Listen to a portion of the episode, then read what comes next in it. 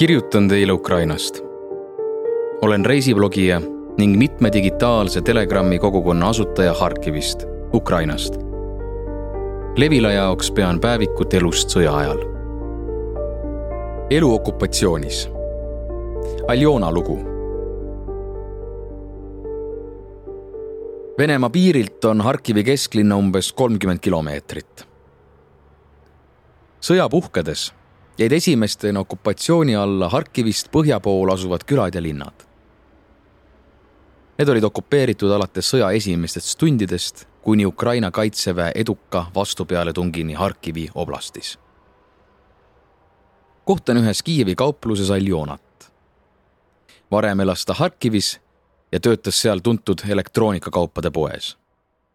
nüüd on Aljona nagu ka kauplus Kiievisse kolinud selline on nüüdsel ajal paljude harkivlaste saatus. paar päeva enne venelaste kallaletungi sõitis Aljona oma poisi vanemate poole Harkivist põhja pool asuvasse Tsõrkunõ külla. kahekümne neljanda veebruari hommikul kell viis ärkas Aljona mingisuguse valju müra peale ning arvas unise peaga, et küllap käivad väeõppused, sest jutud sõjast olid juba mõnda aega liikvel olnud. lisaks asuvad läheduses väeosad ja harjutusväljakud Aljona aju alles otsis toimuvale mõistlikku seletust. kui tuppa tormas tema poisi õde ja ütles sellesama sõna, mis kõlas tol hommikul nii paljudes kodudes. algas. Aljona pakkis rutuga väikese kohvri ja haaras oma kassi. ta läks allkorrusele ja nägi, et kõik olid paanikas. ei teatud, kas ära sõita või sealsamas peitu minna. Aljona hakkas helistama emale, isale, töökaaslastele ning mitte keegi ei suutnud uskuda, et see päriselt juhtuski.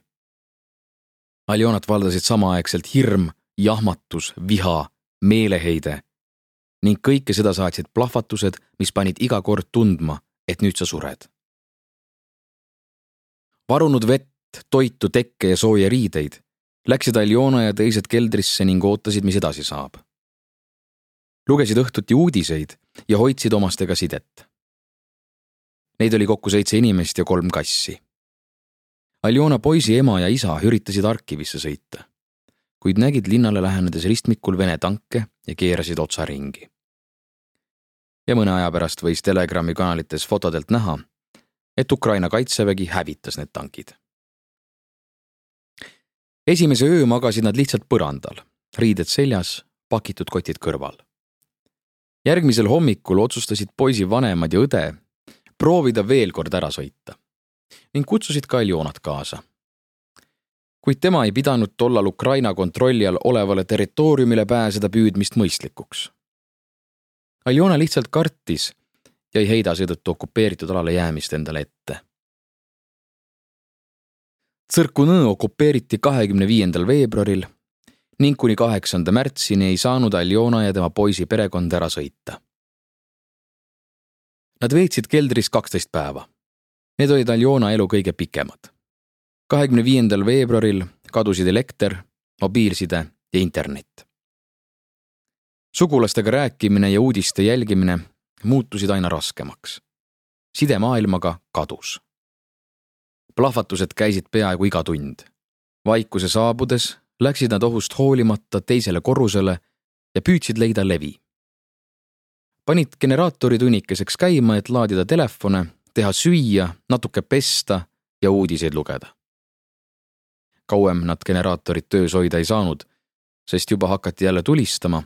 pealegi teeb generaator umbes samasugust häält nagu soomustransportöör. Aljon arvutas välja, et neil pidi generaatori jaoks diislit jätkuma umbes kuuks ajaks. enamasti algas nende päev kusagil seitsme paiku plahvatustega ning möödus süüa tehes, loomi toites, mõtteid vahetades, koristades, võimalust mööda uudiseid lugedes ning helistada üritades. lõunapaiku lasi generaator tunnikese lahedamalt toimetada. pärastlõunal joodi midagi kangemat, vaikiti, vesteldi, vaadati kasside müramist. see oli nende jaoks meelelahutuse ja siiraste naeratuste aeg ning siis mindi juba kell kuus magama, sest saabus täielik pimedus. õige pea õppisid nad plahvatustel vahet tegema. ära tundma, millisest rauast tulistati, kas kõmmutasid meie omad Harkivist või tulistasid venelased meie külast Saltivkast. aegapidi lisandus nende keldrisse rahvast. ühtedel naabritel jäid lapsed haigeks, teistel põles maja maha, kolmandatel polnud üldse midagi alles. Juurdetulijad teadsid rääkida, et venelased paigutasid oma tehnikat elumajade vahele, varjusid nende taha ning olid hakanud tühje maju hõivama arusaadavalt on okupatsiooni all moraalselt talumatu elada. seetõttu püüdsid inimesed vastastikku olla toetavad ja hoolitsevad, kuid ka tülisid tuli ette omajagu, sest kõigil olid närvid püsti ja viibiti kogu aeg samas ruumis üksteise kukil. Järgemööda esines igaühel meeleheitehoogusid, mil polnud tahtmist midagi teha ega üles tõusta. nuteti palju. mingil hetkel sai pihta ka maja, kus Aljona varjul oli algul lendas paar akent sisse, ent siis tuli tugevam pauk ja enam ei jäänud terveks ükski aken. tuli rohkem riideid selga ajada, sest oli ju talv, aga akendel polnud klaase ees, samuti polnud kütet. Aljona pidas vedamiseks seda, et ta asus külas, sest eramajades tavatsetakse ikka toitu ja vett varuda. samuti on suureks abiks generaatorid. kuid Aljona sõnul sõid nad vähe, põhiliselt kartuleid ja tangu soojendasid ennast tee ja moosiga ning kangema napsiga. Aljonale tundus, et nad hakkasid järjest vähem olema inimeste moodi, näides pigem olenditena, kes miskipärast seal kükitasid. ja just see äratundmine pani teda astuma tema elu kõige hirmsamat ja ohtlikuma sammu. okupatsioonist välja murdma ja jõudma Ukraina kontrolli all olevale territooriumile. autor Taras Kovaltšuk tõlkija Veronika Einberg, toimetaja Helena Läks, audiolugu loeb Karmo Nigula, salvestus, helikujundus Janek Murd, originaalmuusika Konstantin Tsõbulevski.